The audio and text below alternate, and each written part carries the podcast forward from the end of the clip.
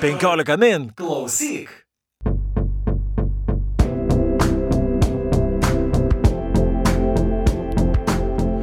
Labadiena, 15 min skaitytojai ir klausytojai. Ir po ilgesnės pertraukos e, grįžta laida tinklalaidė perskaitimai. Ir e, ja, kaip visą laiką mes esame, mes šios laidos e, kaip ir rengėjai, aš Audrius Ožalas. Ir aš Juratė Čerškutė. Ir labai su dideliu džiaugsmu pristatau ir mūsų šios laidos svečią Beną Arvidą Grygą, lydyklos Arara vadovą. Sveiki. Na, turbūt e, Juratė reikėtų turbūt kažkiek paaiškinti, kodėl buvo tokia pauzė, bet man atrodo, kad na, tos priežastys kaip ir na, savaime suprantamos, turbūt ne mes vieni susidūrėm su ta tokia neskaitimo pauze. Ir atrodė toks, kai prasidėjo karas Ukrainoje, atrodė, kad skaitai viską išskyrus knygas. E, taip, ir gal dar turbūt galim išduoti paslapti, kad mes norėjom įrašinėti prieš Vilniaus knygų mugę, bet abu buvom užsijėmę, nes po metų pertraukos, ne, dviejų metų pertraukos įvyko Vilniaus knygų mugė ir tada nutarėm, kad įrašinėsim po knygų mugės ir aptarsim, kokia ta knygų mugė šiemet buvo, bet kaip žinia, vasaro 24-ąją, pirmą Vilniaus knygų mugės dieną prasidėjo Rusijos karas prieš Ukrainą ir tada taip, tu teisus, mes turbūt visi lindėjome žiniuose, bet ne, ne naujienose, nors aš kažkokiu būdu sugebėjau tuo metu skaityti Vinco Mikolaičio uh, Putino, dabar jau net baisu ištarti tą slapį vardį Mikolaičio e, dienoraštį, kuris apima 38-45 metus ir buvo, nu, taip truputį širpoka, kad, e, nu, dėje, dėje, iš istorijos nepasimokom ir viskas kartojasi. Bet ką, labai smagu, kad grįžtam. Ir grįžtam, turbūt reikia pasakyti, kad su knyga, e, kuri mums abiems, ir man, ir Audriui, ir nežinau, benai gal ir tau, tu išleidai šitą knygą, e, pralaužė būtent tą po karo atsiradusi skaitimo bloką ir aš kalbu apie Čilės rašytojo Benjamino Labatuto knygą Kailiaujame suprasti pasaulį, kurią išleido Benas ir čia turbūt yra netikėtumas, kad pirmą kartą mūsų tinklalaidį knygą pristato ne vertėjo, o knygą vertė iš ispanų kalbos Alma Naujokaitinė, o yra knygos leidėjas, su kuriuo mes pasikalbėsim turbūt ne tik apie šitą knygą, bet ir apskritai apie visas jau 16 išleistų ir dar busimų leidyklos rara knygų.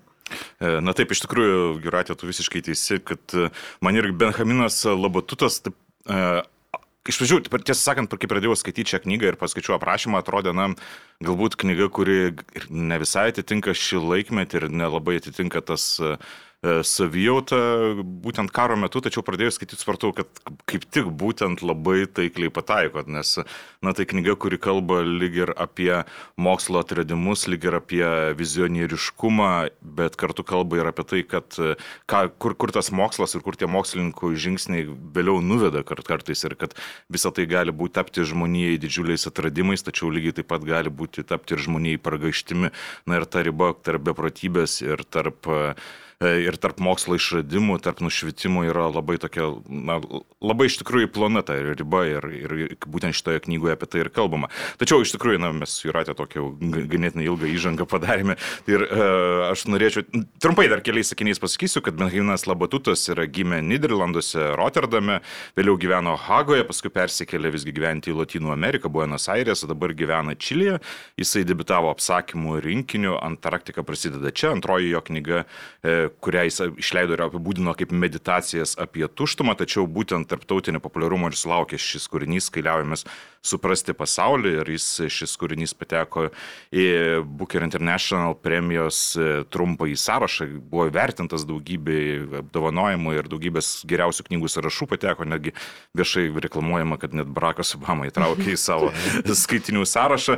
Na ir e, pirmasis klausimas būtų toks, nes pats rašytojas e, paklaustas, apie ką yra ši knyga, jisai sakė, tai štai ką, ši knyga yra apie tai, kas nutinka, kai pasiekime mokslo pakraščius, kai susidurime akis į akį su tuo, ko negalime suprasti. Jie apie tai, kas nutinka žmogaus protui, kai jis peržengia išorinės minties ribas ir tai, kas lypi už tų ribų.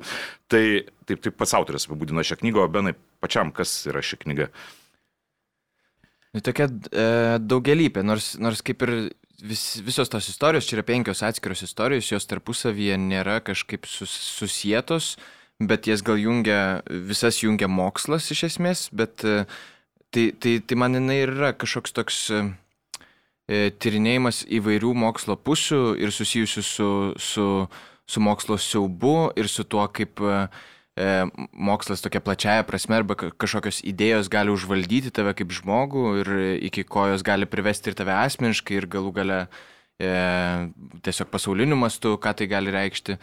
Tai tiesiog įvairių, į, tokie nagrinėjimai per skirtingas biografijas, įdomių labai asmenybių arba momentų pasaulio istorijoje, e, ką mokslas, e, kaip jisai skleidžiasi e, žmonių gyvenimuose.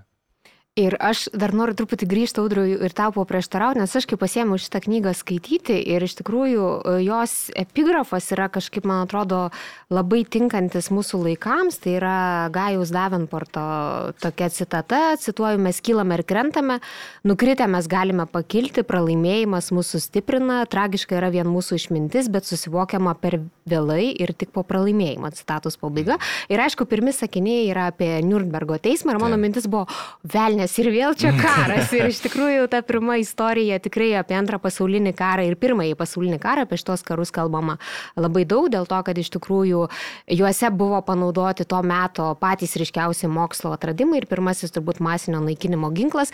Bet aš ne apie tai noriu klausti, Benai, mes truputį diskutavom ir privačiai apie šitos knygos žanrą. Ir man kas yra labai smagu, kad e, aš labai mėgstu šnekėti apie autofikciją Taip. ir kiek daug autobiografiškumo yra. E, čia nais va to nėra, auto yra mhm. tik biografijos. Ir kaip tu pats vadintum šitą uh, knygą, nes aš turbūt sakyčiau, kad tai yra uh, dokumentinė mokslinė grožinė literatūra. Džonas Bevilas non-fiction novel pavadino. Taip, taip. Man labai sunku ypatingai gal lietuvių kalboje, nes tas vat, non-fiction novel kaip ir veikia labai, tai yra trumpas apibūdinimas, tu labai lengvai gali suprasti, apie ką tai yra vat, dokumentinė, e, dokumentinė mokslinė, mokslinė grožinė literatūra, jau yra toks visiškas, e, e, kaip čia, griozdas. Net. Taip, taip, taip. Tai, tai sunku, kad lietuvių kalboje surasti tam žodį, tai aš tiesiog ir vadinu grožinė literatūra. Jis pats... E, Pats Benjaminas Labatutas labai e, nepatenkintas, jeigu kas nors tai vadina negrožinė literatūra ir yra, pavyzdžiui, ir skaitytojų ten Gudryts platformoje arba šiaip yra apžvalgose. E, tai suklasifikuojama galų gale kaip, kaip negrožinė literatūra, nes tu galėtum taip pagalvoti skaitydamas, nes ten tikrai taip. atrodo, kad tai yra realūs gyvenimai ir tai yra realūs gyvenimai, bet ten pramaišių yra labai labai daug fikcijos.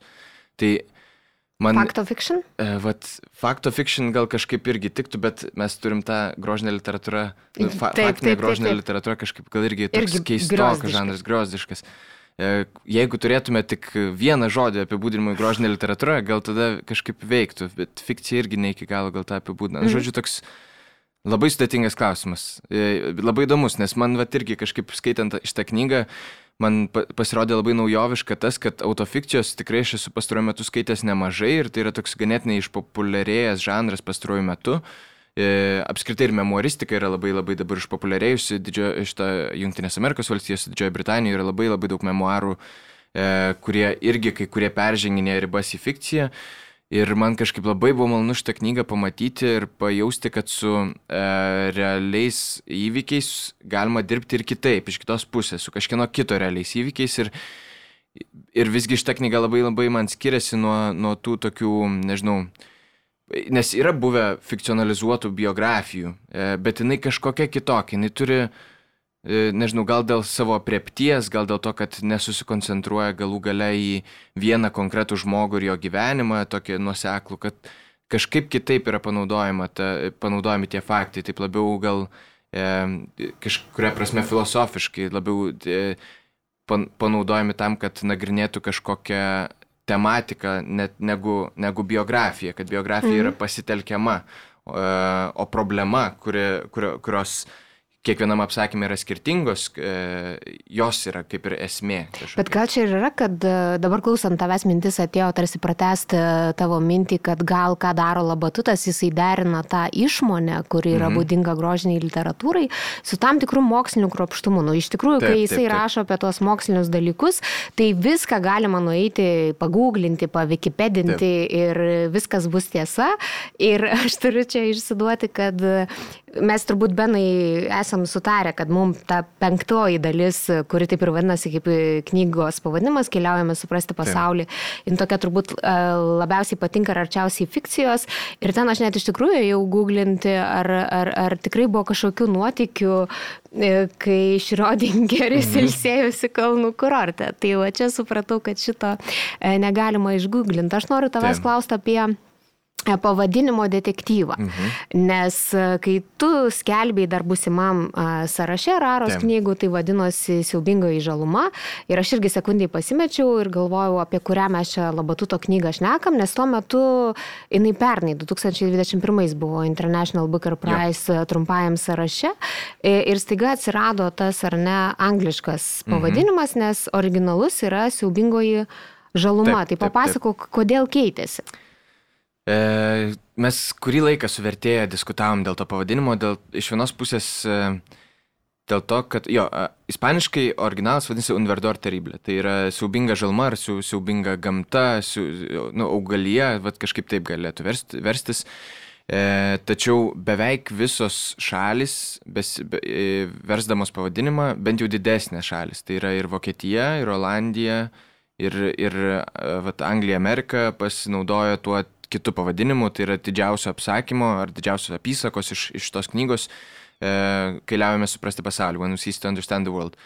Ir gavosi taip, kad man e, bent trys žmonės parašė, klausdami, o ar leisite šitą labatuto knygą, When we cease to understand the world. Ir aš supratau, kad gali būti, kad dėl, dėl visiško nepanašumo pavadinimų tiesiog prasilenks, kaž, kažkas gali, gali nutikti toks, nežinau, iš tos žmonės knygos nesupras, kad ten ta knyga, Taip, ar ne? Žmonės nesupras, kad tai yra šita knyga, kuri buvo nominuota Bookeriui, kuri yra rekomenduota daugelio, kuri atsirado ten New York Times tam penketukė grožinės literatūros.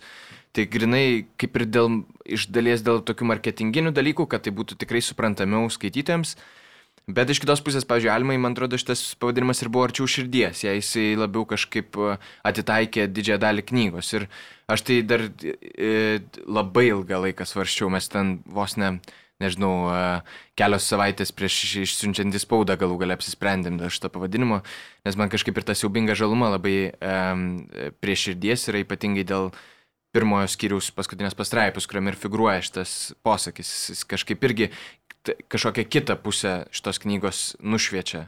Parodo tą, kad Taip. mokslo atradimai turi dvi medalio pusės. Taip, taip, yra tas taip. laimėjimas ir yra jie neša tą blogį kaip taip. masinį naikinimą, kad netikėtai tu kuri vieną dalyką, bet sukuri ir tas tokias pasiekmes, nuo kurios kenčia žmonija. Mhm. Ir vat, man irgi aš po to, kai perskaičiau ir, ir kai apžvelgiu šitą knygą, aš kažkaip irgi pagalvojau, kad gal vis tik tas jaubingoji žaluma būtų toks tikslesnis, bet Tem. Bet beje, šiaip įdomus dalykas yra tai, kad na, pats, pats autorius irgi kalbėdamas apie pavadinimus, kaip tik vakar skaičiau vieną interviu mm ir jis e, kaip tik irgi paminėjo, kad jam tas angliškas pavadinimas yra netgi ar, artimiau širdies. Ir šiaip iš tikrųjų vėlgi labai toks įdomus dalykas tai, kad e, na, daugelis, e, tarkim, iš Latino Amerikos kilusių autorių visą laiką pabrėžia savo būtent tas šaknis, būtent, Tem. o jisai eina visiškai priešingų kelių ir jis netgi sako, pasako, kad jo nekenčia Čilėje žmonės, kai jis pasako, kad jam angliškas jo knygos vertimas patinka labiau negu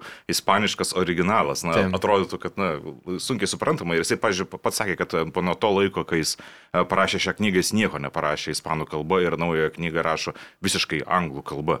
Taip. Tai ir šioje knygoje penktasis trump, epilogas e, pavadinimu nak, Naktinis sodininkas e, ar Nakties sodininkas jis jį parašė angliškai ir tik paskui išvertė į ispanų kalbą. Ir dar, dar klausiu vieno interviu, kuris jisai Sakė, kad e, jisai turi agentę, kuri labai atidžiai skaito jo kūrinius ir jinai kažkurio metu skaitė tai jau jo rankraštį ispanišką ir, ir skaitė ispanišką rankraštį ir tada e, jam siuntė tam tikras vietas ir sakė, kas čia nutiko, kodėl čia taip kažkaip prastai skamba viskas. Jis tada sakė, kad nu, šitas vietas aš parašiau angliškai ir pats išverčiau ispanų kalbą. Nes jis jau buvo, nu kažkaip toks, šiaip man atrodo, jis visai įdomus autorius dėl to, kad jis labai labai kosmopolitiškas, nes tu šitos knygos negalėtum priskirti regionui, iš kurio jis kilęs, Latino Amerikai. Nebent naktinis sodininką kažkiek gal, nes ten yra viskas E, vyksta Latino Amerikoje, Čilės, Čilės kažkokiam mažam miestelėje, bet tik tiek. E, o šiaip tai tikrai gal labai jaučiasi tai, kad jisai nebūtinai priklauso Latino Amerikos literatūrai, jis labiau pasaulio literatūrai priklauso, kažkokio tokio e, ribinę būseną užima. Ir beje, kalbant apie tą fiction ir not fiction, tą temą ir tą skirtį, apie kurią jau galbūt šiek tiek ir kalbėjome, aš nežinau, kaip jums buvo, bet aš kai pradėjau skaityti, man na, atrodė, kad taip viskas įtikinamai parašyta, kad atrodo, na, kad taip iš tikrųjų ir galėjo būti. Taip. Ir, ir, ir, ir pats autorius sakė, kad jisai pradėjo šią knygą rašyti kaip non-fiction Mhm. ir tiesiog vėliau, palaipsniui, jisai suprato, kad, na, visgi reikia kažkokias išmonės įterpti ir taip, kuo toliau, ir pasakė, kad kuo toliau, tuo viskas labiau tapo fiction negu Mhm. non-fiction. Tai, tai jis ir pats e, pradėdamas rašyti, nebuvo apsibrėžęs, kas tai bus per žanras ir kas tai bus per knyga. Taip, ir tas tikrai jaučiasi. Ir šiaip aš galvoju, kadangi yra tos tokios temos, nu man, atsiprašau visų, kurie klauso, ne humanitarai, bet man kaip humanitarai, vat, e, juodoji skylė ar ta pati Šrodingerio katė yra nu, kažkokie tikrai metaforos Taip, taip, reikalai, kurie ir vat, iš tikrųjų, kas žavinga šitoje knygoje, kad Labatutas labai grakščiai tą parodo uh, tas mokslo ribas, mhm. kur, kur kaip jos išsitrina ir kur kaip ir nes mano viena mylimiausių istorijų šitoje knygoje yra apie matematikus. Ir čia nesuspoilinsim per daug, bet apie japonų matematiką, kur aš suprantu jo atradimo, iki šiol dar matematikos pasaulis yra nesupratęs. Ten žavingas epizodas, kai jie visi patys geriausi šių dienų matematikai susirenka Oksforde, jie pradeda labai džiaugsmingai ir po to jie prieina visišką bloką ir supranta, kad viskas, va štai čia, va čia jie jau liaujasi suprasti turbūt mhm. ne tik pasaulį, bet ir save pačius. Tai, tai man kažkaip va šitas įdomu ir dar turbūt, vėlgi, jeigu taip žiūrėtume literatūriškai, turbūt irgi yra tas, vakaudrius sakė, užsikabinau už tos minties, kad įeina daugiau fikcijos, bet turbūt natūraliai kai mes pradedam rašyti apie kažkokias asmenybės, nes čia atradimai yra neatsiejami nuo Taip. tų žmonių, kurie juos atranda ar sukuria, tai mes vis labiau kažkaip fikcinam, nu, vis labiau norim pabrėžti, kokį atradimą tas žmogus mhm. padaro, tai vad gal čia irgi tas toks fikcijos įėjimas taip labai grakščiai. Tikrai gali būti taip. Nes, nes jisai daugiausiai ir kuria tose momentuose, kur, kur aprašinėja, pavyzdžiui, epifanijas ir jų, kaip tos epifanijos išsivystė, kaip, kaip Heisenbergas e, suprato kažkokius dalykus apie kvantinę mechaniką arba, arba tas pats Schrödingeris, tik skirtingai. Tai tie epifanijos momentai, tu jų, tu jų niekur, e, niekur nesužinosi, nesužinosi, kaip tai veikia ir tokiose vietose jis daugiausiai ir kūrė. Bet beje, kalbant apie tai, kodėl būtent pasirinko mokslą, šiaip, ne, šiaip skaitant šią knygą, e, bent jau aš irgi be abejo nesu, kaip ir turbūt daugelis iš kaip ir mes visi turbūt iš čia nesame iš tiksliųjų mokslų. Ne. Ir man skaitant, iš tikrųjų būdavo vietų, kad mm, po, po kelis kartus skaičiau ir nelabai supratau, apie ką jisai čia rašo ir apie ką jisai čia kalba. E, ir buvo įdomu po to paskaityti, kad jisai, na, ir pats sako, kad, na, aš, aš pats nesu mokslininkas, aš, jisai pats, e, sako, studijavau žurnalistiką ir apie tą mokslą žinau tik tai, na, apgribom, tik tai esminius dalykus, kurio, kurių man prireikė rašant mhm. šitą knygą. Ir paklaustas, kodėl jisai rašo būtent apie mokslą, jisai sakė, kad, na, jo nuomonė būtent fizika, pavyzdžiui, atsako į fundamentalius žmonijos klausimus. Ir e, sako, kad anksčiau tai galbūt užsiemė filosofai, tačiau jo nuomonė filosofai jau seniai nuleido rankas ir net nebando atsakyti į fundamentalius klausimus. Ir e, būtent, būtent jo nuomonė mokslas yra tas, ko pagalba galima visgi pris- prisiliesti prie tos kažkokios esybės, prie kažkokios reiškinių esmės. Taip. Bet vat, gal ta, ta, tame ir įdomumas, kad mokslas pats savaime, jis yra, jis yra sausas dalykas, tu negali tenai, e, yra, tai aišku, yra dalykų, kurie yra poetiški jame, e, bet, e, bet be, be šitos grožinės literatūros, kurią, be, be kūrybos, kurią Labatutas apdėliojo tuos mokslinius atradimus, tai neturėtų tokios didelės, man atrodo, nušviečiamosios jėgos ir to, to, to tokio fundamentalių klausimų nagrinėjimo, kokį dabar turi ta knyga. Nes man atrodo, kad ta, tas grožinis elementas, jis yra ir, ir fikcija, ir kūryba yra būtina, kad tai ne tik mums kažką, kažkokius teiginius sakytų apie, apie, apie pasaulį, bet ir asmeniškai skaitytojui kažką užduotų, kažkok, ne- nežinau, praplėstų jo, jo e, žvilgsnį arba e, gyvenimo poetiką kažkaip padailintų. Tai ties, tas grožinis elementas yra būtinas. Ir man atrodo, jis, jis tą kažkaip ir stengiasi pasiekti. Ta, nujautęs, kad mokslas kaip medžiaga turi tą fundamentalių klausimų uh, užduoti ir su grožinės literatūros pagalba uh, ją dar labiau išplečia ir, ir jos ribas ir tuo pačiu uh, diapazoną kur, žmonių, kuriuos tai gali pasiekti. Nes vat, aš, mes nesam fizikai ir, ir matematikai, bet mūsų šitą knygą pasiekė ir pasiekė kažkokie labai įdomus atradimai apie pasaulį. Ir beje, jis ir, irgi savo, kad mokslas, e, iš esmės mokslas yra tema, viena iš pagrindinių šios Taip. knygos temų, tačiau kita tema, kuri galbūt yra netgi yra svarbesnė, tai yra paslaptis. Mhm. Ir mokslas, e, ir, ir viena iš temų yra tai, kad e, ką mokslas gali atsakyti, kokius klausimus, tačiau visgi kiekvienoje iš tų istorijų mes visgi matome, kad na, jis negali atsakyti visų klausimų ir lieka kažkas nepažinaus žmogui. Ir galbūt tai yra vėlgi viena iš tų temų, kad na, žmogus gali tik prisiliesti prie kažko ir, ir galų gale prisilietęs jis netgi išsigasta to, ką jisai padarė ir ką jisai pamatė. Taip. Bet vis tiek, ko gero, tiktų šitai knygai greta viso, ką mes pasakėm, jau ir toks, nu, kaip mokslo populiarinimo, ar ne, dalykėlis. Tiktų labai, jis, jis bent jau atlieka tą funkciją labai labai stipriai. E, tai tikrai nėra mokslo populiarinimo literatūra, tai griežtąją taip, taip, prasme, taip. Bet, bet tikrai populiarina mokslą. Aš surizikuosiu, Benai, tavęs paklausti, nes dažniausiai mes šito klausiam e, vertėjų, Almos Naujokaitinės e, su mumis nėra, e, bet aš manau, kad tu žinosi galbūt, kas buvo sunkiausia ar kokie netikėtumai jau apie pavadinimą pakalbėjom, kad čia buvo tokių ar ne iki paskutinės minutės, bet šiaip, kadangi tu esi tas nuostabus mažasis leidėjas, kuris čiučiuoja knygą nuo pirmo iki paskutinio puslapio ir viską žinai, kokių istorijų vertimo šitos knygos istorijoje yra. Na, man atrodo, Alma, e, Alma, Alma šiaip tikrai, e, jinai labai daug darbo į tai įdėjo ir, ir labai džiaugiuosi rezultatu, bet jai tikrai tikiu, kad pareikalavo daug jėgų, e, nes vis tiek gal tiesiog turbūt svarbiausias elementas yra tai, kad tu versdamas susiduri su staiga visiškai naujų klodų, žodžių, savokų, apibrėžimų ir gal net kažkaip, kaip čia, konceptų apskritai, kurie, kurie tau iki tol nebuvo su, su, sutikti, kurie yra visiškai tau nauji. Tai manau, kad tai tikrai turėjo būti nemenkas iššūkis vien susigaudyti e, pakankamai, kad galėtum paaiškinti kitą kalbą, e, lietuvių kalbą. Tai, tai tikrai yra, turėjo būti sudėtinga ir jinai turėjo pagalbą e, šitam. E, Tai e, tą pagalbą atliko Vitalijus Vasiliauskas, mokslinis redaktorius tos knygos, kuris Almai padėjo labai daug ką susiprasti. Ir, e, ir tiesiog sutikrino, ar lietuvių kalboje mes nenusišnekėjome, kaip ir su, su išsivertę ispanišką. Tai, tai manau, kad tai turėjo būti sunkiausia, nes e, ir, ir šiaip Labututo tekstas labai tirštas yra. Jis toks ypatingai pir, pirmi keletas apsakymų ir švaščilo singularumas ir, e, ir prusiš, prusiškasis mėlis, jie tokie vieną pastraipą jis gali šnekėti apie Napoleoną, kitą apie Van Gogą, trečią apie, apie, apie visiškai cheminius kažkokius elementus, ketvirtą apie e, šilkverpių auginimą. Tiesiog tokie labai, labai daug šokinėjimo tarp tematikų ir, ir labai daug koncentruoto tiršto teksto. Tai irgi turėjo būti nelengva.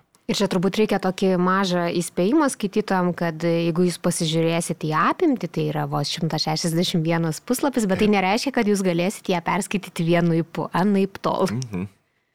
Na ir e, beje, grįžtant e, prie temų ir prie galbūt pavadinimo, kai liaujame suprasti pasaulį, na, mes jau kažkiek užsiminėme apie e, galbūt galima šios pavadinimo reikšmę ir galbūt apie tam tikras temas paliečiamas, tačiau norėjau šiek tiek praplėtoti šitą mintį, nes, na, autorius kaip ir kalba apie mokslą ir apie tai, ką jisai mums atranda, tačiau kalba ir apie tai, kad kaip keičiasi mūsų pasaulio suvokimas ir galbūt apie to ilgesį to buvusio pasaulio, kurio mes netenkame. Ir, na, čia viena, viena, iš, viena iš vietų galiu pacituoti, kad e, kur, kur, kur, vienas iš šios knygos herojų sustinka žmogų, e, Regis bare, man atrodo, tuo metu buvo sustikimas ir tas žmogus pasakoja apie telefono skambutį ir įsikalba, kaip, e, kaip, kaip naikinamas mano laiko suvokimas, mano ryštas pareigos ir saiko jausmas, kada prasidėjo visa ši beprotybė, kada mes liovėme suprasti pasaulį. Tai tarsi, tarsi ir kaltinimas tiems mokslininkams, kad jie atima buvusi pasaulio Taip. ir pasaulio erdvės su, supratimą ir kad tas, na, tas visos naujovės na, galbūt ne, nebūtinai veda į kažkokį progresą, kaip galima įsivaizduoti. Tai ne tik, kad į progresą, tai gal, gal tas ir įdomu, kad e, ką, ką reiškia tas keliaujame suprasti pasaulį, kad pasaulis staiga ir labai greitai per pastruosius, nežinau, 150-200 metų tapo absoliučiai nesuprantamas įprastam žmogui. Tu nesupranti, kaip veikia tavo televizorius, tu nesupranti, kaip veikia tavo telefonas, ar ten didžioji dalis daiktų, kuriais tu naudojasi. Tuo labiau nesupranti, kas yra banginė funkcija, ar ten, ko iki šiol niekas nesupranta. Prieš šimtą metų atrastas dalykas Schrödingerio, e, tačiau per šimtą metų visi supranta, kad tai veikia, kas tai yra, niekas nežino. Tai, e, tai tokie, tokie momentai, man atrodo, yra labai įdomus apie tai, kaip, e, e, kaip tiesiog mokslas ati, kaip čia pasaulį kaip ir gali paaiškinti, bet negali suprasti. Gal tas, tas ir labai yra įdomu, kad tu, tu gali labai daug ką paaiškinti, ypatingai iš to knygų irgi tu, yra labai daug kas aiškinama, bet tu tą įsisamonti, įsigilinti ir taip priimti, supratęs, tu nebūtinai gali. Ir tas, tas tai man atrodo, tai labai gerai parodo šitą knygą. Ir be abejo, beprotybės tema irgi Taip. yra labai svarbi. Ir genialumo, genijaus, to Taip. tokio pamišimo. Mhm. E, faktiškai kiekvienas iš tų personažų visgi kažkuria prasme na, priartėjo prie tos beprotybės tam tikrą prasme. Nebejotinai. Ir čia, man atrodo, gal yra tas e, idėjos užvaldymo e, elementas, kurį, kurį, kuris labai domina Labatutą. Jis, jis daug yra šnekės apie tai, kad jį labai, jam labai įdomu, ką, ką tau kaip asmeniui gali padaryti uh, kažkokia mintis kilusi ir tiesiog nepaliekanti tavęs. Tai, tai, tai man atrodo, čia galima pastebėti iš to knygoje keturis ar penkis atvejus, iki ko tai gali privesti. Kartais iki visiškai kažkokių genialių atradimų, kartais iki e, atsiskirimo nuo pasaulio, kartais iki, net, turbūt netiesiogiai, bet iki ten kokių nors lygų ar dar kažko. Tai labai labai skirtingi keliai, bet tos, to paties užvaldymo. Na ir šiaip e, įdomu dar yra tai, kad e, kaip e, įdomu stebėti, bent jau iš autoriaus patikimų be abejo, tai yra fikcija, tačiau, kaip jis ir pats sako, kad visgi jisai paimdavo visgi tam tikrus momentus iš tų asmenų, apie kuriuos aprašė ir kažkiek yra visgi paremta tikrais faktais, kaip jiems kildavo tos genialios mintis. Na ir mes matome, kad čia tos, tos, tos visos kelionės linktų atradimų, na, kažkokios klejonės, lygos patale arba dar kažkas ir, ir, ir palas žmogus, tas pats išradėjas, jis nelabai supranta, kad, kaip, kaip, kaip jam iš viso kilo šitos mintis. Tarsi kažkas padiktavo iš viršaus arba iš kažkur iš pasąmonės išniro ir tiesiog jie na, negali paaiškinti, iš kur visą tai gimsta. Taip, aš dabar tiesiog staiga prisiminiau, yra Yra vienas toks autorius, amerikiečių Kormakas Makartis, kurio kraujo meridianą e, kitais metais e, žadu išleisti leidyklą Rara. Ir e, jisai turi vieną, jis toks labai labai įdomus autorius, kuris niekada gyvenime nesirodo viešumoje. Yra išleidęs daug knygų, bet tik vieną vienintelę esę, kuri irgi yra mokslinė, kas yra labai įdomu. Ir jinai vadinasi Kekulės problema. Ir Kekulė buvo žmogus, atradęs, dabar dieve mano, dabar bijau suklysti, labai seniai skaičiau, man atrodo, molekulės, molekulės e, formą ar kažką panašaus, bet jisai ją susapnavo. Jam, jam atsakymas kilo sapne, jis tą yra labai aiškiai dokumentavęs, kad jis, jam sapnas parodė Auroborą, tai, tai gyvatę valgančią savo pačios uodegą, ir jis iš sapno pabudo epifaniškai šaukdamas uh, Taigi, tai molekulė yra ratas ar kažką panašaus, dabar bijau sumeluot, bet maždaug, maždaug taip ėjo ta istorija. Ir tai irgi, man atrodo, vienas tokių įdomesnių atsakymų ir labatutas tokių ganėtinai daug pateikė, kaip galėjo vystytis tas, e, tas, e, tas supratimo momentas ir Makarčio visa, visa ta esė yra apie pasąmonės e, įtaką e, ir pasąmonę kaip suprantančią kalbą ir tau galinčią duoti atsakymus. Jisai paklausė, jis klausė savęs kalbą E, ir pasąmonė, jo sapnai, suprant, suprasdami kalbą, jam davė atsakymą sapno formą. Tai yra, yra toks būdas. Ir yra kitokie būdai. Yra visiška beprotybė, bet man atrodo ir Schrödingeris, ir Eisenbergas kažką panašaus vat, patiria. Tokio, kur e, ne jų tiesioginė būsena, ne jų įprastinė kasdienė būsena jiems duoda atsakymus, o, o kažkokia kitokia būsena. Ir man atrodo, prie tos būsenos ir gali privesti kažkokie arba labai siaubingi, arba labai labai intensyvūs dalykai, kaip vat, lygos ar, ar nežinau, beprotybė, ar genialumo apimtas visiškas kvaitulys toksai. Tai, tai tikrai nemažai apie, ta, apie tai yra knygoje. Arba perlaus karai įdėti į, jausis. Aš ja, irgi toks iškalbėjau. Taip. Užsinorėjau, neslėpsiu. tai per, auskarai perlos, ja, auskarai perlose. Perlai ausyse yra, yra momentas, kuris iš tiesų ir paskatino uh, Labatutą domėtis Schrödingeriu. Jis tiesiog išgirdo istoriją apie tai, kad Schrödingeris taip kentėjo nuo skausmo uh, kylančio iš, nuo triukšmo uh, ir taip negalėjo susikaupti, kad jo mergina jam davė perlus, kad jis dėtų į ausis uh, ir užsikimštų juos. Ir tai yra labai gražus kažkoks, iš tiesų, ir kiekviena, kiekviena istorija prasidėjo nuo kažko tokio, nuo kažkokio momento, kuris kuris jam, uh, kurį, apie kurį jisai sužinojo. Tai Švaščildo singuliarumą jisai nugirdo kažkada uh, kažkokiam pokalbėje, kad Nu, ir ten buvo toks, toks vienas karininkas, kuris pirmo pa- pasaulinio karo kasuose nusintė ten lygti. Ir tiek, ir ten nugirdo, net jo vardas nebuvo paminėtas, išsiaiškino, kad tai yra Švašildas ir visiškai primirštas fizikas, e, kuris dabar nebelabai net ir figuruoja e, kanone, kaip ir jisai toks jau, jau antrinis likęs, bet su be galo įdomia istorija. Tai, tai kiekviena iš tų istorijų kilo nuo tokio tiesiog kažkokio labai labai įdomaus ir poetiško, žavingo istorijos momento. Ir vat, įdomu, kad paminėjai poe, poetiškas momentas, nes, na, iš tikrųjų, šita knyga yra labai poetiška. Taip, taip, taip. Ir, ir, ir pavyzdžiui, na, ką žinau, bet, bet paėmė kartais netgi norisi cituoti kai kurias, pavyzdžiui, kad, e, tarsime, apie tikrovę kad e, vis tiek liks kažkas migloto, neapibriešto ir neiškaus, tarsi tikrovė leistų mums matyti pasaulį aišku ir skaidrų it krištolas tik viena akimi, bet niekada abiem. Na ir toks, Taip. kaip, kaip ir apibrėžia iš tikrųjų tą, vis, tą, tą visą mokslininkų tą būseną, kad, na, štai tu vieną, vieną akim tai žvilgti ir į tą tikrovę, tačiau mhm. abiem negali niekaip pamatyti. Na ir, ir tie patys momentai, kai jie ten stebi žvaigždės, e, stebi dangų, tas kažkoks ilgesys, kažko neapibriešto ir kažkokio pažinimo. Taip. Na, jis toks keliauja iš puslapio į Bet puslapį. ne tik mokslininkų, man šita knyga dar yra ir apie literatūros esminį klausimą, tai yra tikrovės vaizdavimą literatūrą. Jeigu jau mes nuo mokslo pakilsime į tą jau tokį literatūrinį lygmenį, tai turbūt pamatinis šitos knygos tas klausimas ir yra, kas yra tikrovė, tikrovė tekste ir kaip, kaip, kaip turim mes ją vaizduoti, o kad jinai yra paveiki visiškai, tai e, tu benai užsiminėjai apie sapnus, tai matyt mano pasąmonė irgi žinojo, aišku, kad žinojo, kad mes šiandien kalbėsimės, nes aš pareičiais susapnavau tą epizodą, kaip e, chemikas Frisas Haberis grįžęs iš pirmo pasaulinio karo prarado žmoną. Nu, mes čia jau neišduosim kaip, bet aš žodžiu tiesiog vizualiai mačiau tą sceną ir aš tada iš karto aišku pabudau. Geras. Ojei.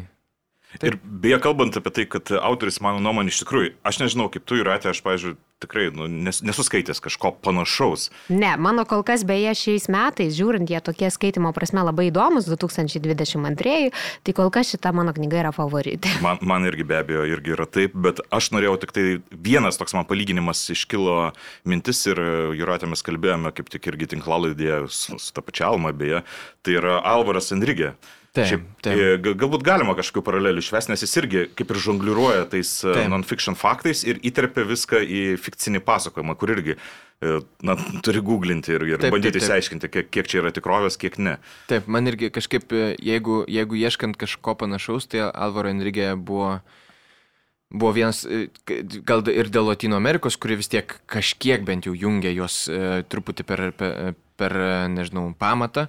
Bet dar gal, kas man labiau yra panašu, ypatingai e, pirmoji istorija, per pirmos dvi, bet prusiškasis mėlis tai ypatingai. Tai yra e, Sebaldo Saturno žiedai ir Vertigo. Tai yra labai labai jaučiasi didelį įtaką Sebaldo šitoje vietoje per tokį e, pergrumulavimą istorijų, la- labai įdomių kažkokių unikalių istorijos momentų. e, Ir jų kiekį, visišką platybę, nes čia yra ypatingai prusiškai mėly, yra, nu, yra tiesiog labai įspūdinga, ki- kiek daug uh, e, asociacijų gali sukelti vienas, vienas objektas kažkoks. Ir Sebaldas irgi tuo, man atrodo, labai, labai dažnai naudojasi, e, sekdamas vienokius ar kitokius dalykus. Šiuo atveju Labatutas sekė cianido molekulę nuo, nuo jos atradimo, nuo panaudojimų skirtingų būdų, nuo, nuo teorizavimo, iš kur jinai gali atsirasti nu, ten ir va, būtent, kad ten ir Napoleonas, ir ha, e, šita Haley's Comet, Halio kometa, mm. kaip jinai vadinasi, e, ir, ir cianidas, ir, ir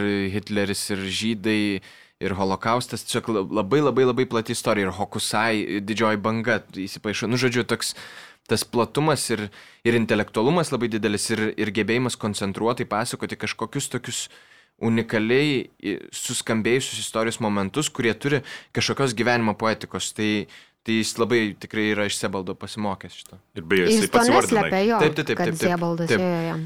Nes jis iš, ir minėjęs ir Sebaldą, ir Bolanio kaip didelius įkvėpėjus, ir tuomet keletą tokių mažiau girdėtų autorių, kurių pavardžių neprisimenu. Jo, nes ir ne vienoje recenzijoje skaičiau, lyginamas buvo su Ziebaldu ir su Tokarčiuk. To- Tokarčiuk man kažkaip pasirodė kažkiek pritemptas tas palyginimas. Taip, jo. Bet su Ziebaldu iš tikrųjų paralelių galima surasti. Na ir aš nežinau, šiaip e, aut, mes jau pradėjome kalbėti jau ir ap- apie palyginimus, ir apie, ir apie tą patį Alvarą Enrigę, autorių, kurį irgi išleidai irgi savo leidykloje. Ir aš manau, kad galima kažkiek užgriepti ir e, plačiau šitą pokalbį ir pakalbėti apskritai apie Raros leidyklą. Ir aišku, pirmiausia, norėtųsi kalbėti apie Lotynų Amerikos autorius. Mhm. Aš suprantu, kad tai yra labai tokia plati tema ir mes jau ne vieną kartą, ir, ir su Benu prieš laidą apsitarėm, kad na, ne vieną kartą diskutavom, kad tai la, su, sunkiai paliečiama, nes ta Latino Amerikos literatūra labai sunkiai kategorizuojama ir nelabai aišku netgi, kas jie sieja. Ir matome, kad ir šis autorius, apie kurį šiandien kalbame, jis kaip ir, na, kaip ir iš, išlenda iš to Latino Amerikos kanono, kosmopolitiškas, jam Ziebaldas galbūt netgi artimesnis negu Latino Amerikos autoriai. Tačiau e, visgi e, Latino Amerikos autoriai, kaip, kaip, tu jos, kaip tu jos atsirenki iš tikrųjų, nes, na, šiaip Lietuvoje iki, mano, galbūt pasakysiu drąsiai, bet man atrodo, kad iki Raros pasirodymo e, Lietuvoje buvo leidžiama labai stichiškai, ten buvo išleidžiami keli autoriai, aišku, Borgesas. E, Kortazaras, e, Markesas be abejo, na, kitos knygos labai džiugu, kad Bolanio pradėjo leisti, bet, na, nebuvo tokių naujosios kartos autorių, o štai tu, kaip pasirodė Rara, pradėjai leisti tai, kas lietuvių skaitytojams turbūt mažiau žinoma. Tai aš galiu dar truputį patikslinti, Benai, kodėl, kodėl tavo yra tas fokusas ar orientacija į tą ispanakalbę? Nesu tikras. Aš dar šito nesugebėjau suprasti iki galo. E, bet, tiesiog, bet aš jaučiu labai didelį potraukį tam. Nežinau kodėl, bet tiesiog man kažkaip sus... Ga, gal dėl dažno grubumo, tikrumo e, tos literatūros, kad jinai tokia yra, e, nežinau, turinti, turinti daug daugiau gaivališkos energijos dažnai negu, negu europietiška, kuri gal kartais, bent jau ta europietiška, kurią aš mėgstu, yra paremta labiau ant intelektualumo, ant kažkokio, e, ant kažkokių kitokių e, ramščių. E, Tai sunku pasakyti, aš labai ir Latino Amerikos uh, muziką mėgstu, pavyzdžiui, mm. ir, bet ir nesuprantu kodėl, bet mane tai labai labai traukia. Tai, paman, nežinau, gal reikės nuvažiuoti ir tenai epifaniškai suprasiu, kada nors, uh, kas, kas čia, gal aš tiesiog... Uh, nežinau, gal paveldėjau sielą kieno nors, kas iš ten yra kilęs ar dar kažkoks keistas dalykas. O bet jo. šiaip ar nėra taip dabar tiesiog mintis atėjo, kad ta anglakalbė literatūra ir tie didėjai autoriai, jie vis tiek yra labai nugludinti leidyklų, jie turi kelis etapus redagavimo ir tada tie tekstai tikrai atrodo sukonstruoti. Ir vat ispanakalbė literatūra, čia jau užsiminė Malvaro Enrygė, mhm. kuri beje yra mano praeitų metų favoritė, tas pats labatutas, net jeigu yra tas konstravimas, tai jis nėra toks akivaizdus, nu, skaitant, tu nejauti, kad tekstas yra padarytas, kas jau daugeliu atveju tikrai atrodo anglakalbį literatūroje. Ar tu pats apie tai galvoji? Aš tikrai daug galvoju apie tai, kad anglakalbė literatūra, ypatingai amerikietiška ir britiška, yra dabar per stipriai nugludinta mm. ir tokia su, su, suniveliuota. E, Než, Taip, taip. nežinau, ar, ar pačios rinkos, ar, ar kažkokių kitokių, ten, ten labiau e, globalesnių tendencijų, ar, ar ko, bet tas Madų, sunivele- jo, madų taip, taip, politkorektiškumo. taip, taip, taip. Tai šitie dalykai tikrai jaučiasi ir labai sunku atrasti kažką uh, iš tiesų uh, kalnus laužančio, mm. la, nu, nelaužančio, nugriaunančio uh, anglakalbį literatūrai. Uh, arba jeigu sekasi atrasti, tai tada tai yra visiškai nišiniai dalykai, gal net per daug nišiniai, net e, rarai, e, nu, kur tiesiog autoriai galų galę taip ir nelabai pripažinti. Skait, skaitomi, mhm. e, skaitytojų mėgstami, bet, bet tik tiek, finansavimo negausi. E, tai, tai tą aš tikrai jaučiu. Bet, e, o dėl ispanakalbės, aš e, manau, kad jie irgi tu- turėtų turėti nemenką tradiciją, ypatingai Latin- Latino Amerikoje ir tuo labiau Ispanijoje, ir redagavimo, ir, ir, ir nežinau, darbo su, su autoriais, bet gal, gal jie tiesiog yra pratę leisti šiek tiek daugiau laisvės autoriui. Ma- Man kažkaip taip nujaučiu, nes aš kiek žinau, vat, pavyzdžiui, Cezaris Saira, jisai kai parašo knygą, jos neredagavęs atiduoda Taip. ir ją tokią ir išleidžia. E, Bet jis ir leidžia ten tų knygų Jau dešimtį. Taip, taip, taip, jis yra labai daug jų išleidęs, bet iš kitos pusės ne, tu nelabai gali prikipti prie tokio metodo, jeigu tai veikia ir jeigu, jis, e, jeigu jis, jo kūriniai yra tok, e, vertingi. Ir taip ir yra. Ir man atrodo, kad tos laisvės tikrai yra paliekama daug ir kažkaip, nes net ir pats Labatutas, man atrodo, e, jo, čia yra jo trečia knyga ir jisai, jisai sakė, kad jisai rašys, jeigu ir su šita nebus pasisekęs, jis vis tiek toliau rašys ir bandys ir jam jau bus tiesiog nebelabai svarbu, ar kas nors skaito ar ne. Čia buvo jos toks paskutinis bandymas kažkaip prasimušt ir po to jis būtų nusiraminęs ir tiesiog toliau rašys. Ir man atrodo šitas toks, em, ne, ne tai, kad pasidavimas prieš rinką, bet, e, nežinau, kažkaip... Atsidavimas savo Jo, savo, veiklai. taip, taip, taip, savo veiklai arba, arba savo, savo pasijai kažkokia. Mm jis, jis labai, jis daug veiksmingesnis uh, man kaip kažkokių talentingų autorių ieškojimui. Ir aš tikrai daž, daug dažniau surandu kažką talentingo, skaitydamas Latino Amerikos literatūrą, negu anglakalbę. Kad man daug, daug, daug sunkiau yra su anglakalbė literatūra. Tai, tai šitas aspektas tikrai veikia. Bet vis tiek, Benai, pradėkim, grįžkim mhm. į pradžią, nes dar mūsų tinklalaidėjai mes tavęs neklausinėjom apie leidyklos Taip. rarą pačią pradžią. Ir pati tavo pirma knyga, nu iš tikrųjų, tu vienu metu išleidai dvi, kur tarsi rodė leidyklos kryptį, tai Vladimiro Nabokovo Pninas, mhm. Kurį vertė Laimantas Jonušys, ir Cezario Airos, keliaujančio, vieno keliaujančio dailininko paveikslas, kurį vertė Aistė Kučinskė, tai va ta kryptis, ar ne, neversta anglakalbė literatūra ir aspanakalbė. E, tai iš vis, nu, vad kodėl žmogus sugalvoja turėti leidyklą? E, Dėl daugelio priežasčių, bet man gal, gal norėjusi tiesiog darbo susijusiu su literatūra. Jaučiau, kad e, nebūtinai būčiau geriausias darbuotojas leidykloj. E, tai- Nepaklustum? Gal, gal nepakluščiau, gal tiesiog e, sunkiai... Aš esu prisiklausęs tiesiog istorijų apie tai, kaip, aišku, tikrai ne kiekviena leidikla, bet, bet kad ypatingai tose, kurios galėtų imtis tokių kūrinių, kaip, e, kurios, kurios man norėsi leisti, kad yra labai daug laiptelių, kuriuos tu turi vaikščioti, tu labai ilgai neturi jokios įtakos, o man kažkaip norėsi, norėsi kad tie kūriniai atsirastų ir, ir kad juos galėtų skaityti žmonės. Tai labai norėsi, kad mano uh, žmona, mama, močiutė galėtų skaityti tas knygas, kurios uh, man yra labai artimos ir kurios mane labai domina. Ir iš kitos pusės kažkaip e, pačia jaučiau, kad e, noriu daugiau santykių su lietuvių kalba ir man atrodo tai labai labai man padeda ir, ir labai džiaugiuosi tuo, nes vis tiek studijau anglų filologiją, skaitau vien angliškai ir tada, kai, kai neberandi lietuviško žodžio, e, kraityje savo galvos e, būna, būna liūdna. Nes vis tiek aš tą ir kalbą, mūsų, mūsų kalbą labai labai branginu ir kažkaip norėsiu ir santykių. Tai yra labai daug asmeninių priežasčių, bet ir iš kitos pusės mačiau, kad mačiau, kad kažkaip niekas taip kaip nesima, taip nesima šitų kūrinių, kurie man atrodė labai vertingi. E, Ir vis tiek jau žinojau maždaug, kaip veikia visa rinka Lietuvoje. E, Visai pažįstu daug, e, pažinau labai daug žmonių susijusių su literatūra, su, su, su redagavimu, su vertė, vertėjavimu, su apžval, apžvalgavimu. Ir tai kažkaip jautėsi, jautėsi, kad yra šansas. Nu, Tai va ir taip, taip ir nutiko.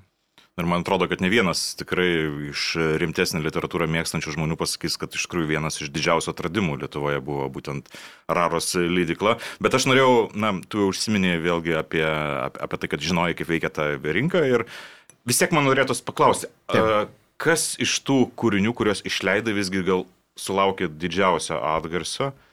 Jeigu, mhm. na vis tiek gali, jau dabar gali vertinti Taip, per visą taip, tą taip. laiką ir galbūt kas, kas iš tikrųjų, na, tu tikėjai, kad e, suras visgi savo skaitytoją platesnį, tačiau visgi, na, na nesurado.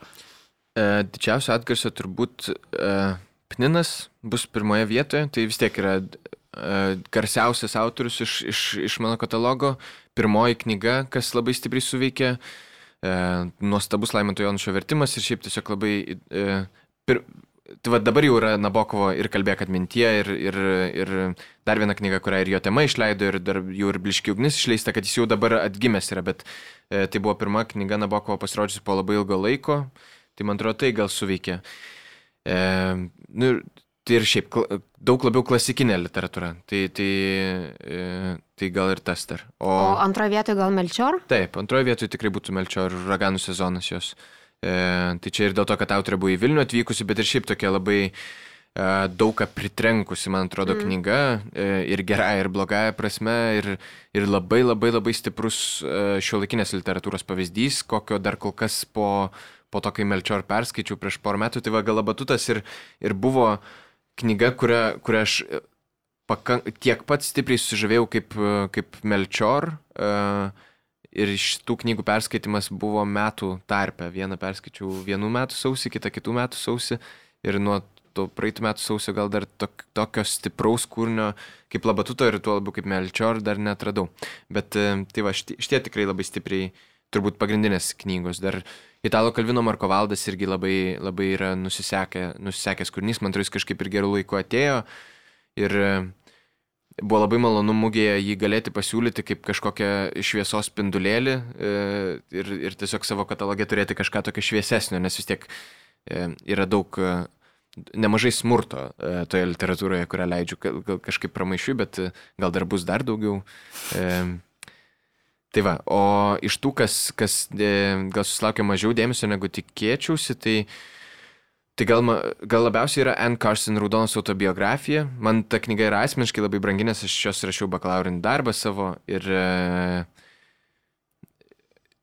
Tai čia, čia galima spekuliuoti labai stipriai, bet man atrodo, e, kad galimai suveikia neįprasta forma mm. ir, ir iški baime, baime po, poezijos. Aš kažkaip nujaučiu, kad prozos skaitytojai, ne, kad, kad yra visai e, susi, susiskirsta skaitytojai ir retas, kuris per, persikloja e, prozos ir poezijos. Ir man, Nu, bet šiaip labai keista, nes dabar lietuvių poezija, žiūrint taip, Taip. taip. kontekstualiai, jinai yra grinai naratyvinė poezija, Taip, kas taip, iš taip. esmės Carson raudona biografija yra ten naratyvas pasakomas. Tai va tas truputį keista, kad, bet gal tie žmonės, kurie skaito lietuvių poeziją, gal neskaito. Va, gali būti. Gali būti. Tai čia sunku pasakyti, ar čia auditorijos klausimas, ar, ar gali tiesiog būti suveikęs toks dalykas kaip e, nepagaulus aprašymas knygos, aš nežinau. Man su- sunku pasakyti, dar, dar kol kas nesuprantu, kodėl tai nesuveikia, bet aš dau- daugiausia gal dėmesio visgi dedu į formą e, ir man atrodo, kad jinai gazinanti yra tiesiog. E, kažkuria prasme ir, e, nežinau, nes atsivertęs Carson tu tikrai nebūtinai suprasi, kas čia per kūrinys. Ir tik iš esmės užvertęs tą knygą susidarai tokį pil, pilną įspūdį apie tai, ką, ką jinai ten daro. E, O ar nenukentėjo, nenukentėjo Nabokovo bliški ugnis, kuri taip nelemtingai iš esmės prieš pat karą išėjo? ar ne? Nukentėjo, bet e, nukentėjo šiek tiek, nors per knygų mugę visiškai puikiai sekėsi, sakyčiau, bet man atrodo, kad irgi ją po truputį ištikinėjo tas pats e, formos likimas ir, mm. ir baime tūkstančio eilučių e, jambinių pentametrų parašytos poemos, kad e, tikrai žymiai e, sunkiau yra perkama negu pninas, nors šiaip tai e, bliški ugnis yra daug arčiau Magnum opuso Nabokovo negu, negu Pninas. E, jinai daug, daug įspūdingesnė, daug, e, nežinau, tok, daug, daug labiau kitokia ir, ir e, kaip čia, daug labiau iššūkis ir skaitytojui, ir pačiam Nabokovui, bet ir daug labiau nusisekusi, mano galva. Tai man atrodo, kad irgi biški prisibijo skaitytojai poemos, tiesiog retesnis, kuris mm. pasiema į rankas tokią knygą. Bet beje, šiaip, e, sakyčiau, netgi kažkiek ironiška, kad turėjo atsirasti mažasis leidėjas, kuris e, pradėtų leisti Nabokovą. Jo, taip, tikrai taip. Man, Nes, man irgi, man, aš, ne, aš kai supratau, kad tiesiog vat, pavyks pagaliau išleisti bliškę ugnį, aš negalėjau to patikėti, nes man atrodo, kad šitas darbas turėjo jau senų senovai būti padarytas, nes tai yra... tas pasupninu irgi. Taip, taip, taip, ir tas pats supninu, jo. Tai, tai man atrodo, kad čia vis tiek e, šitas projektas, kadangi jis yra sudėtingas ir jaminis pentametras yra e, beveik niekam neįveikiamas reikalas Lietuvoje, man atrodo, tai ačiū Dievui radau Kornelių Platelį, kuris nuostabiai susitvarkė su to kūriniu. Bet tiesiog čia turbūt reikėjo labai, ir iš mano pusės reikėjo nemažai pastangų tą, tą kažkaip sudėlioti, kad surasti du vertėjus, o ne e, kliautis vienu, ką man atrodo ilgą laiką e, kas yra svarstę leisti šitą knygą, labiau svarstė apie vieną vertėją, kuris kažkokiu būdu sugebėtų ir tobulai prozą versti, e, bet ir jambinį pentametrą būti mm. valdęs, kas man atrodo jau, jau yra per, sun, per sunki užduotis. Tai jo, e, tikrai juokinga. Bet, bet taip, taip dažnai ir būna, pavyzdžiui, New Directions e, Amerikoje, kai pradėjo, jie pirmieji išleido Jie pirmieji išleido Bolanijo, pirmieji išleido Sebaldą, Lispektor, pirmieji išleido e, Nabokovo rusišką literatūrą. E, ir, e, ir tai yra maža leidikla, visada buvo labai maža leidikla, kuri, kuri stovėjo prieš akį. E, tai tai gal, gal tas ir yra, kad kai tu esi vienas ir nesi apribotas, ar ten keliesi ir nesi apribotas tokio vienas po kito einančio laiptelių, arba per didelio užsiciklinimo apie atsipirkimą, nes atsipirkimas yra kitas klausimas toks didesnis. Um, tai, tai tada lengviau galimtis to, kas yra rizikinga. Iš ko, Benai, tu mokėsi e, leidybos meno? Aš tiesiog nenoriu čia išduoti, aš žinau, kokią tu knygelę skaitai ir kas tave įkvėpė. Ir tada sėkiu priduriu kitą klausimą, e, kaip tu formuoji tą savo, kaip labai gražiai sakai, katalogą, e, kaip vad žinai, kokias knygas įtrauksi ir kaip pradėjai, tai kokio ilgio sąrašą turėjai? Mhm. Tai e, leidybos meno tai aš mokiausi, net šiaip tai iš pradžių daug daugiau iš užsienio leidėjų negu iš lietuvių, dėl to, kad aš pats domėjausi grinai anglakalbę literatūrą, tai tada tenai mačiau vat, būtent New Directions, Fitzcarraldo Editions, Chaco Press, Archipelago uh, Books, uh, galėčiau vardinti ir vardinti, ten yra And Other Stories, tokia, yra daug nuostabių mažų leidyklų, kurios yra pasišventusios kažkam įdomesniam e, literatūroje, tai, tai iš pradžių iš jų, e, gal labiausiai per va, tą atsirinkimą, per, per, per kūrinių pristatymą, per, per katalogo formavimą, per tok, iš tokių labiausiai dalykų, bet iš kitos pusės, pavyzdžiui, prenumerata yra mano kaip ir pa, išmokta, iš, e, pa- pasiskolinta mintis iš, iš šitų leidyklų. O Lietuvoje tai, tai, tai tas tai galima suskaičiuoti ant e, rankos pirštų. Tai, tai yra Gedrė Kadžiulytė iš, iš, e, iš apostrofos e, Hubris ir, e, ir jų leidėjai Fi knygos Lapas, Auksų Mm. Kitos knygos. Kitos knygos buvo Kitos knygos jau didelė. jau didelė, bet, bet jie, man atrodo, jie, jie, jie tikrai turi dar išlaikę labai daug dvasios ir tokio, e, nežinau, kažkaip e, polėkio. Ir, ir vis dar imasi tikrai rizikingų, rizikingų projektų. Pavyzdžiui, Balanio 2666 yra nuostabu, kad ta knyga pasirodė ir, ir labai džiaugiuosi, kad jie to ėmėsi. Tai, e, bet šiaip tiesiog Lietuvos leidėjų laukas yra labai draugiškas ir jie, žinodami, kad būsiu konkurentas, labai daug man padėjo, labai daug atsakė į klausimų. Tai, tai tai yra labai malonu. Tai dėl to matai, kad neuždirbsi visi, žinau, kad... Gali būti.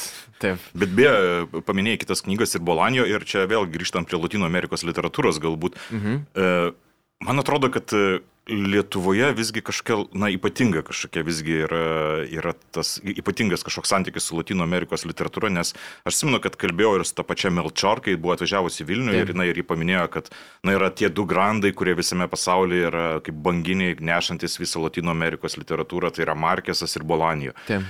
Ir aš galvoju, na, Bolanijo gerai, kitos knygos išleido, tačiau jis taip ir, taip ir liko nišinis. Taip. Iš tikrųjų, taip, ir, taip. ir, ir, ir atrodo vardas, kuris, na, kur bet kur išleidai, bet kokioje šalyje, man atrodo, ir jis jau bus tas kaip klasikas, kuris skaito visi ir kur ten bus pakartotiniai tiražai. Visgi štai Roberto Balanio nesulaukė tokio didelio dėmesio. Bet čia matai, reikia paroko tokio dydžio knygą perskaityti. Jo, bet, bet buvo ir pašėlė detektyvai, buvo Taip. ir, ir kitos jo knygos. Bet aš abejoju, ar jis tikrai turi tokį didelį pasiekimumą kaip Markesas. Markesas yra daug, daug lengviau suprantamas, daug daugiau kam. Taip, taip, tai e, man, man, man, aš irgi tai Jo. Melčokį pasakė, aš irgi šiek tiek nustebau, nes galvoju, na, Balanio visgi, visgi yra na, kažkiek kitokio skaityta Taip. literatūra ir, nu, tikrai ne, tikrai ne Markesas, kurį ten supranta visi. Jo, bet e, jisai gal tiesiog atstovauja tą kitą flangą. Jeigu Markesas tokia labiau e, magiškai realistinė, e, saginė, e, popu, populiaresnė literatūra, kuri vis tiek yra intelektuali, vertinga ir visą ką, bet tiesiog ir jinai tikrai daug platesnei auditorijai. Tai gal Balanio labiau atstovauja tai nišiškesniai, intelektualesniai. E, eksperimentalesniai literatūrai, e, kaip, kaip du flangai kažkokie e, Latino Amerikos literatūros. Nes, pažiūrėjau, aš gal būčiau labiau linkęs Borgesą dėti šalia Markeso, man atrodo, kad jie du yra pagrindiniai grandai, bet Borgesas iš kitos pusės, man atrodo, irgi yra tos pačios, e, kad Bolanio yra Borgeso linijos tesinys kažkuria prasme. E, tai, tai jo, įdomu. Bet, bet šiaip, na, vėlgi grįžtam prie Latino Amerikos literatūros ir vėlgi, kaip jau ir minėjau anksčiau, kad labai sunku apibriežti, kas tai yra, bet e, norėčiau paklausti tavęs, na vis tiek, man atrodo, kad vienas iš labiausiai besidominčių būtent e, tų šalių e, literatūra, ar galėtum kažkaip apibriežti, kas, kas dabar yra visgi, gal yra kažkokios kryptis, e, galbūt kažkokios temos, kurios yra na, vyraujančios ir kurias galima būtų išskirti. Na, aš suprantu, kad socialinė tematika visgi yra labai svarbi ir labai aštri, bet ji visą laiką būdavo, tai Taip. aišku, Latino Amerikoje. Jo, ir yra nemažai. Aš, aš kaip tik prieš, prieš pokalbį pasižiūrėjau, ką aš ten esu skaitęs per šitos pastrosius metus ir kokius galima būtų dėžutės sudėlioti, kad ir kaip e, kartais nepraktiška tai būtų arba neteisinga autorių atžvilgių, bet vis tiek, jeigu norint bandyti, tai, tai tikrai, man atrodo, vienas tokių e, viena pagrindinių tematikų, kuri ypatingai e, susi, susilaukia ypatingai daug labai kokybiškos literatūros, tai yra e, visokie smurto, femicido, e, tai yra moterų žmogžudyščių ir panašių dalykų persvarstymai. Tai Melčior, man atrodo, pakliūtų į šitą, į šitą sritį, bet taip pat yra, yra Selva Almada, Kristina Rivera Garza, yra, e, tėve mano, e, žodžiu, da, yra nemažai autorių iš įvairių, e, iš įvairių Latino Amerikos šalių, bet daugiausia Meksikos, kur, kur yra šita kažkokia tokia kryptis e, to smur, smurto apsvarstymo. Pilar Quintana, va, dar yra tokia autorė. Tai yra, yra šitas flangas, yra tikrai nemažai tokio sociopolitinių romanų, uh, kalbančių apie diktatūros pasiekmes, įvairių di diktatūrų, bet daugiausiai iš Čilės tas eina, arba iš Kolumbijos irgi. Uh, Tai Juanas Gabrielis Vaskisas, Nona Fernandės ir Alejandro Zambra, tas pats, kurie su išleidys, irgi turi porą knygų, kurie, kurios taip labiau apie, apie diktat, Pinošeto diktatūros pasiekmes uh, ar nagrinėja. Tai, tai kartais tai yra labiau istoriniai veikalai, nagrinėjantis kažkokius konkrečius momentus ar įvykius, kartais labiau vat, būtent tokie pasiekmių nagrinėjimai arba arba visos visuomenės kaip, kaip kažkokio trauminio, traumuoto elemento e, nagrinėjimai, tai, tai tikrai to nemažai yra, e, bet ir yra labai daug tokių e, sunkiai suklasifikuojamų autorių. Yra nu, Cezaris Aira, kuris, kuris, kurio viena, kita, nuo, viena knyga nuo kitos gali skirtis viskuo išskyrus stilium. Stilius gali būti panašus, kartais užsi, užsisvarstys apie kažką, užsimedituos, mm. bet naratyviškai tu nesuprasi, kaip tas pats autorius galėjo tos, šitas dvi knygas parašyti. E, arba vat, tas pats Labatutas, arba Marija Gainze, kurią neužilgo gal rudenį E, žadu išleisti, tai argentiniečių autorė, kuri irgi yra labiau tokia iš kosmopolitinės pusės, nes jinai tiesiog svars, ten yra labai daug tokių viniečių, kurios šiek tiek autofikciškai susijusios su jos gyvenimu, bet didžioji dalis jų yra e, įvairių vakarų pasaulio menininkų e, momentų iš jų gyvenimų e, tokie papasakojimai kaip ir. Šitos labai laukiu Benai, nes e, Alvaro Enrigė buvo mano. Taip, taip, taip. Ir šiaip beje, labai ačiū tau už Airą, nes e, čia daug kas su manim ginčiasi, nes man Airos vaiduokliai yra vienas šviesiausių ir gražiausių pasakojimų apie literatūrą ir, ir, jos, ir jos poveikį. E, gerai, leidikla veikia jau metus. Pusantrų, tai tik, pusa, pusantrų yra pirma, nu, pusantrų nuo pirmos knygos, bet šiaip tai jau daugiau negu tris. Tai va, jo. ir yra 16 uh, knygų jau išleistų. Taip. Ir tu dirbi Eurekos knyginę ir pardavinėjai ten savo knygas. Ir papas, papasakok portretą tipinio raros knygų skaitytojo. Ar yra toks? E, ne, e, nėra. Yra lab, jie labai vairūs. Yra daug jaunų žmonių, yra, yra daug vyresnių žmonių. E, Yra daug vidutinio amžiaus žmonių. gal, gal tiesiog manau, kad didžioji dalis jų bus, jeigu taip visiškai statistiškai, mm. turbūt, kad didžioji dalis turės universitetinį išsilavinimą.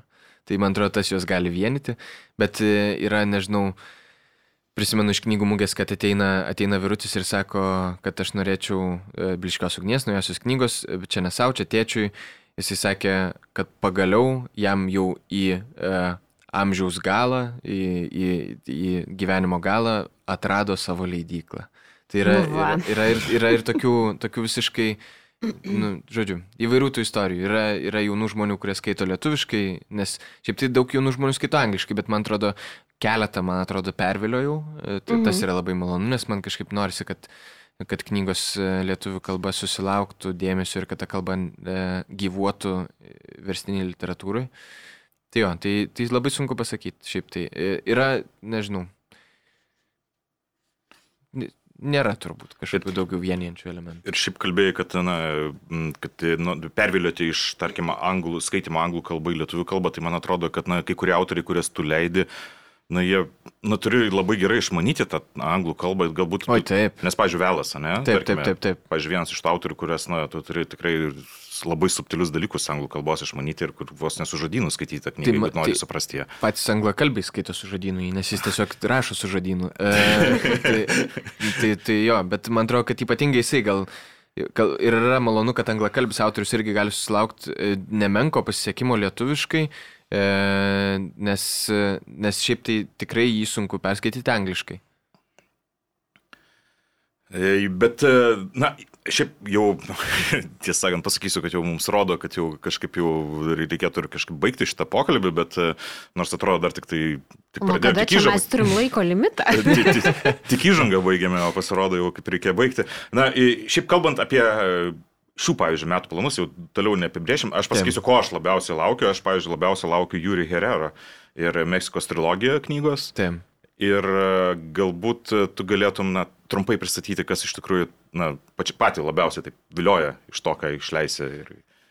Aš gal e, labiausiai laukiu iš tiesų Helen DeWitt, paskutinios, paskutinio samurajaus. Tai yra labai labai keista knyga, dėja, tokiu pačiu pavadinimu kaip filmas su Tomu Cruzu. Tai, nėra, tai, tai, tai yra visiškai nesusiję.